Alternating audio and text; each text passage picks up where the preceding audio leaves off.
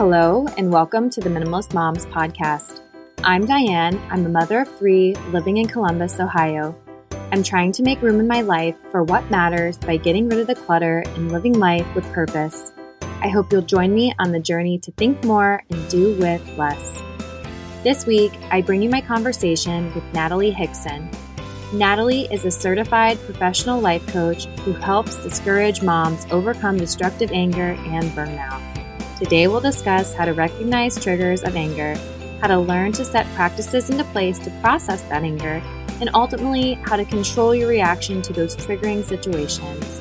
But before we get to that, would you say that you benefit from listening to the Minimalist Moms podcast? If so, it helps enormously to share it with your friends. And also be sure to subscribe and leave a rating and review on Apple Podcasts. I so appreciate you listening. One more note before we get to the interview this is actually an interview I recorded a couple of months ago prior to me recording in my closet, which I've actually found to be very beneficial for sound quality. So I appreciate you bearing with me during these older episodes. And now for my interview with Natalie.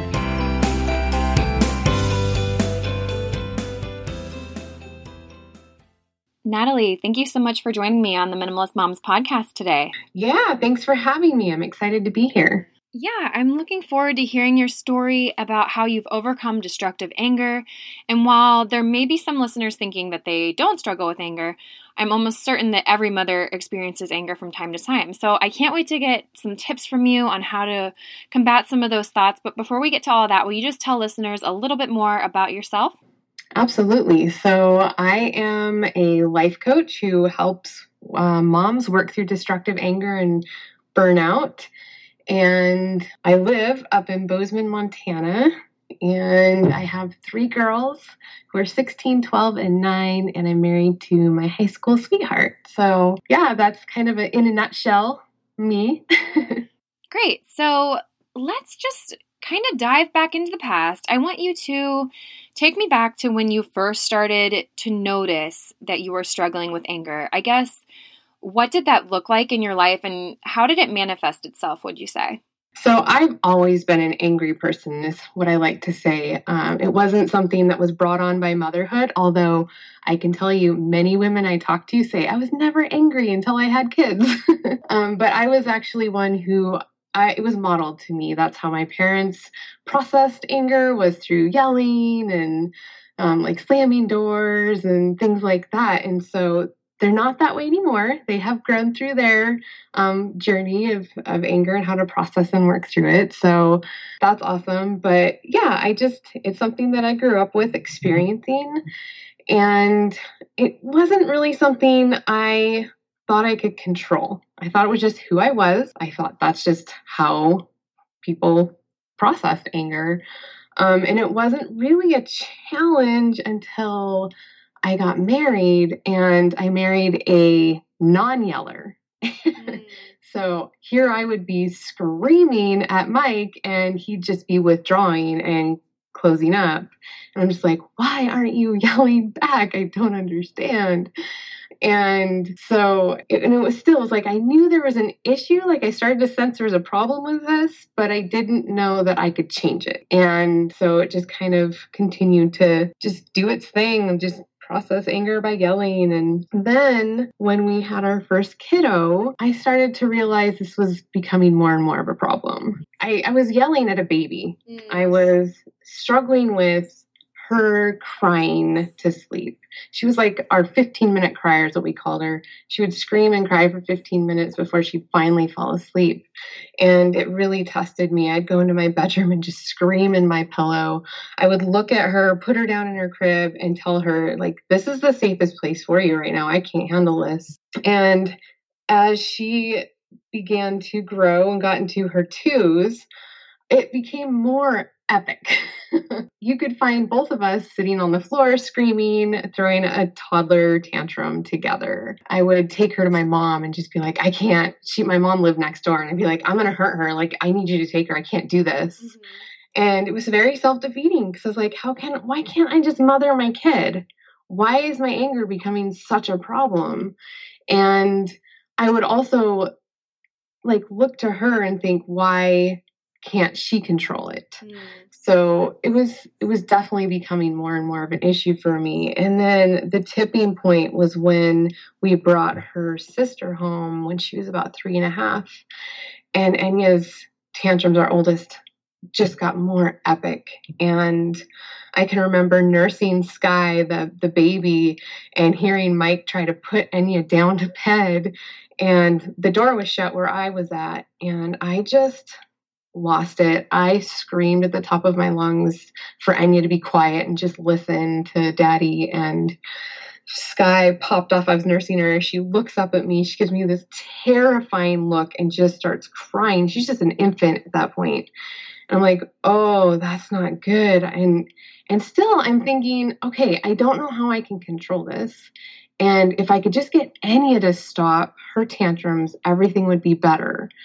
I was kind of like, and I knew there was an issue for me, but I was still like, okay, we'll deal with this. If Enya would just stop, it wouldn't be as bad, right? So I'm kind of associating my angers because of Enya. So I decided at, at that point that Enya needed help. And we searched out therapy for her. And we went to the therapist office, sat her down, like the therapist observed her, she talked to us, she had Enya leave the room, and then she looked at us and was like, Enya's a perfectly normal kiddo for her age and development.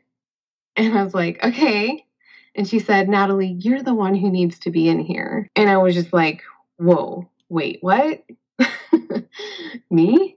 Mm-hmm. And she's like, yeah, you. And as frustrating as it was to hear that, I knew she was right. And deep down, I felt relief that somebody was finally going to help me work through the destruction that was happening.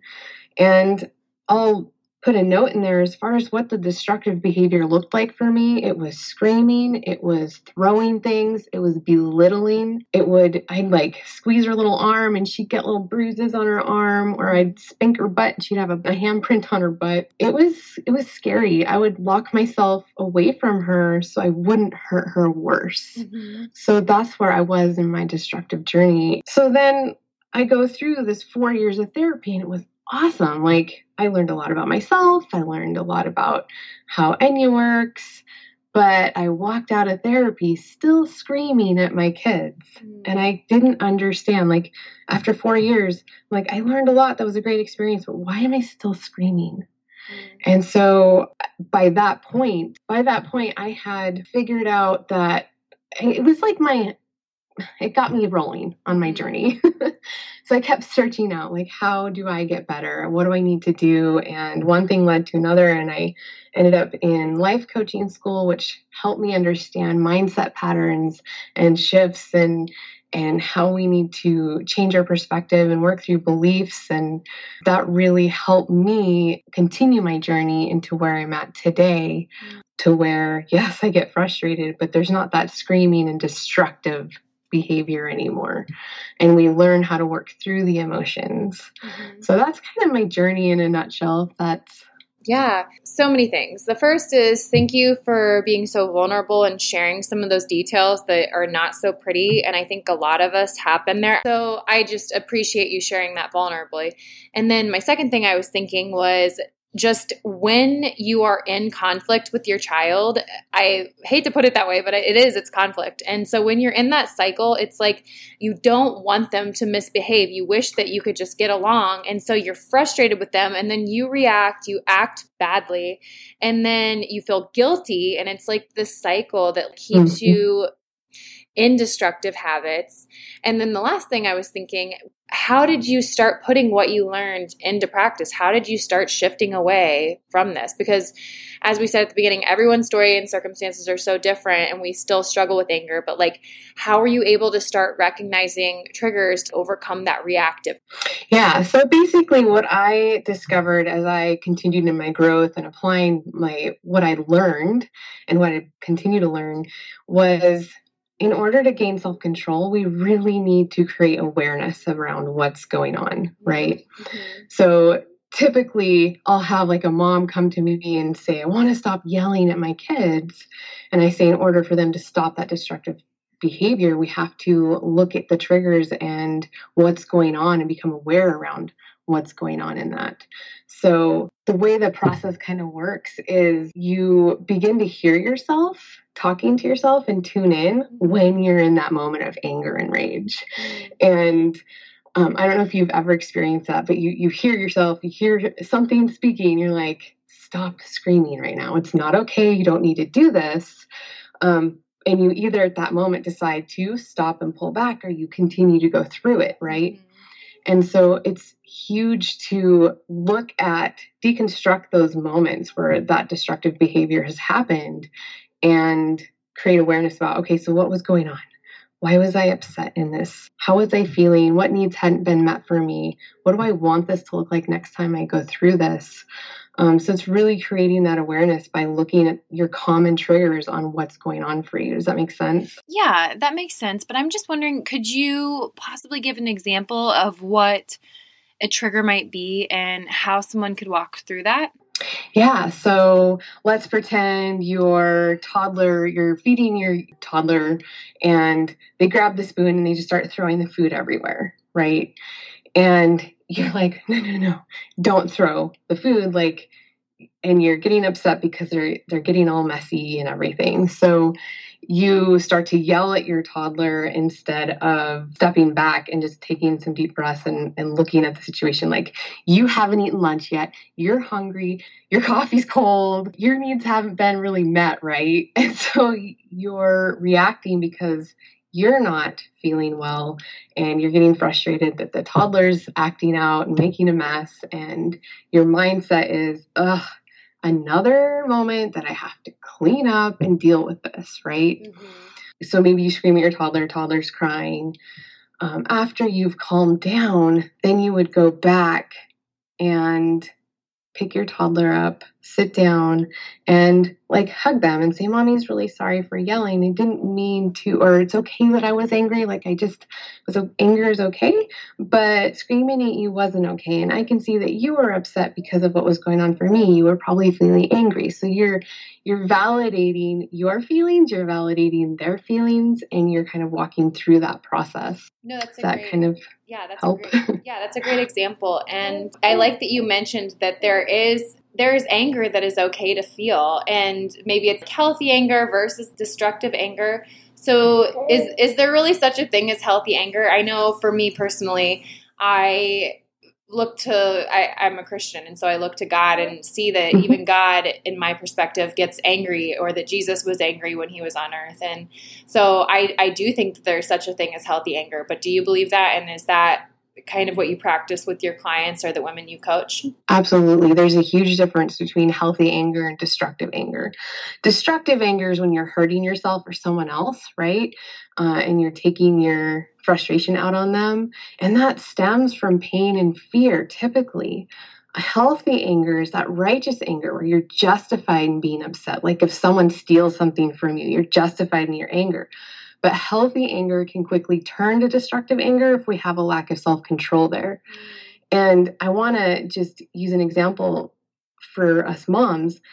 Any mom is going to get angry if she has to repeat herself 15 times or listen to the bickering with her kids and they're not stopping, right? It's a pain point.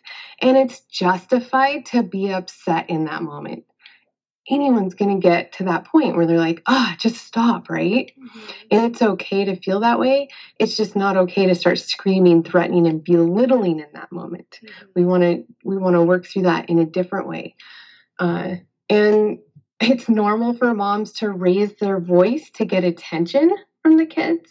And it's okay to call a timeout period it's absolutely important to validate your feelings and your kids' feelings and to put words and emotions to how everyone's feeling. Mm-hmm. But simply put, destructive anger, what does that look like again? That's the screaming, that's belittling, threatening, silent treatments, uh, slamming, throwing, spanking out of anger, you know, abusive, physical abuse in that way. Mm-hmm. That's destructive. The healthy anger is the feeling that you have that we all have. We can't get rid of anger. Anger is a natural, healthy emotion. I love anger, actually. And one way I like to talk about anger or sadness or disgust or fear is they're like a speed bump for us. Mm-hmm. They're there for us to tune in to what's going on, not tune out. Mm-hmm. And how do we tune out from the negative emotions? We go to destructive anger, or we go to our cell phones and scroll on social media, or we'll drink, or we'll eat, or we'll shop. Um, something like that, right? Mm-hmm. We tune out. And what we need to be doing is tuning into that feeling, saying, hey, why do I feel this way? This is that moment I need to stop, take deep breaths, validate how I'm feeling, process the emotion. If I need to take a time out, I need to do that. The kids need to take a time out. And it's a healthy way to model to your kids hey, it's all right that we're angry. We just need to work through it and we need some space and we need to process. I totally agree with you. And I want my kids to have the healthy reverence for me, but not a fear of me. And I think that that was somewhat of the trajectory that I felt like I was on with my oldest. I was feeling that she was starting to be fearful of me, not because I was physically abusive, but just verbally. I think you're right. Sometimes in your anger, you can be belittling or just be really domineering, and that's just not who any of us moms ever want to be or intend to be. So, I guess in these tougher seasons of motherhood, how would you say that we can find joy in parenting when we're also experiencing more anger than what we're used to? So I kind of like to look at this as a perspective change. I like to think of life in moments, not necessarily seasons. Technically, is there seasons? Yeah, probably. We've got toddlers, we've got middle schoolers, we've got teenagers and beyond. But I really like to encourage moms to look at life in right now. When we look at life in a season, then we're kind of waiting for that season to be over, right? Mm-hmm. Like if we break our life down into moments, then right now it's much easier to focus. It's less overwhelming, and we look forward to the next moment instead of three years from now, we're finally going to make it. So, like, don't worry about tomorrow. Don't sit and stew about yesterday and what you did. Do right now, like the best you can do right now. And you're the only one who can control that happiness, mm. right? And so often moms come to me begging for a solution to take away their anger. And I tell them they're never going to find that solution anger is a natural emotion. We have to figure out how to work through and work with you know all of the negative emotions. And until you can process and experience the negative emotions instead of numbing them and avoiding them you'll never fully experience joy. Because when you look at the emotions they're all that's all they are. Like i don't even like to say negative or positive but i like to help you understand in those those different perspectives. Mm-hmm. but really when you experience anger in in the fullest, you can experience joy in the fullest. Mm-hmm. So we're just learning how to process the anger. And one thing that I think about is when you're happy, you don't, or your kids are happy, you don't tell them to stop being happy, mm-hmm. right? You're all, you know, people are excited, they're enjoying it, they're going through the process and loving how they're feeling. But when people get angry or our kids get angry, we're immediately like, what do we need to do to make them stop being angry? Mm-hmm. Right? Instead of like, okay, how are you feeling? Why are you feeling this way? And having them experience that anger like we would experience joy. Today's episode is sponsored by Osea Malibu, the original plant based, results driven skincare line. As I'm now into my 30s, I figured it was time I start prioritizing my skincare. I have been looking for products that nourish my skin, are non toxic, cruelty free, that do not break the bank. I was thrilled to partner with Osea Malibu because each product is pure, safe, and effective. Their skin nourishing products are made entirely of plant derived ingredients and are even a good choice for moms to be. Their sustainably sourced organic Patagonian seaweed and active botanical products easily absorb into the skin and effectively bring out balance while targeting signs of aging and skin imperfections. Living in Ohio, I really need a great moisturizer in these dry winter months. I can confidently say that Osea has helped me to hydrate my skin and has also minimized the appearance of redness and irritation. So if you're interested in trying out the products for yourself, head over to oseamalibu.com slash minimalistmoms. That's O-S-E-A Malibu.com slash minimalistmoms for a $10 off your first purchase of $50 or more, free shipping for U.S. orders of $75 or more, and free samples with every order. Now back to my conversation with Jeannie. So, what would it look like if we try to hone in on this and live more intentionally when it comes to dealing with our anger? So, a couple things. One, I'm a strong believer in what you focus on is what you get. So, if you focus on the negative things, you're going to continue to get more negative, mm-hmm. right? And if you begin to focus on the positive things, look for the things you're thankful for and appreciate, you're going to find more of that joy. And while working through anger intentionally, we want to focus on the positive things about the anger, even. What did I learn from this? What challenge did I um, learn, overcome with this? How did I actually restore my relationship with my kids through working through this instead of create more walls and, and disconnect? Mm-hmm. So, by becoming intentional with our anger, again, we need to really go to our triggers and kind of break them down, create awareness around what's going on for us. So as we continue to move forward uh, and and work through these these circumstances that arise, we begin to become more aware and we're able to pull back and and stop ourselves over time. Mm-hmm. It's funny that you say to focus on the positives. It just, you hear that so often with so many facets of your life. Focus on the positive. It's all about your mindset. And it's just funny. I'm sitting here listening to you say that, and I've always been somewhat skeptical of that, like maybe in the past. But I guess I just encourage listeners think about how many times you hear that. That is coming from personal experience from people that have walked through things and have changed their mindset. People wouldn't just say this if it were if it were just BS. This is coming from someone that has walked through an angry, destructive path and now has totally shifted her mindset and has changed her trajectory. And I don't know, I just think that's really encouraging that you would think something so simple as a simple mindset change or focusing on the positive, like, oh, that can't possibly help me. But think about all the people around you that have that are just either speakers or just have lived through something difficult. A lot of that can be contributed to the mindset change. Absolutely. And I'll give you an example that will actually hopefully encourage your listeners. Because um, I'd like to tell you what my relationship is with my oldest, who went through the worst of it with me, is now. At some point, let me just start back in the day. I used to believe that I didn't want to be a mom. Mm-hmm. I didn't. I was like over it. I said I I I don't like kids. I don't want to have kids. Why do I have kids? I don't want to be a mom. Mm-hmm. And as I continue to grow and process and learn, I realized, no, you know what? I really do love my kids. And I started projecting that. I started saying that. I love my kids. I look at my kids and I'm like, you kids are awesome. And they throw a fit. I'm like, that's not who you are. Like, that's that's how you're acting right now, but that doesn't mean that's who you are. Mm-hmm. Everybody gets upset, and that's okay. I love you. Kids are awesome. And the more I said I love my kids, the more I said my kids are awesome, the more I started acting out and believing that mm-hmm. and changing how I felt as a mother and how my kids responded to me, vice versa. Um, is beautiful. And today, my my oldest is uh, just over 16, and she's amazing. Like she's she's awesome. I absolutely adore having teenagers. Don't ever let anybody tell you that teenagers are scary. If you want to believe that, then that's what you'll get. Yeah.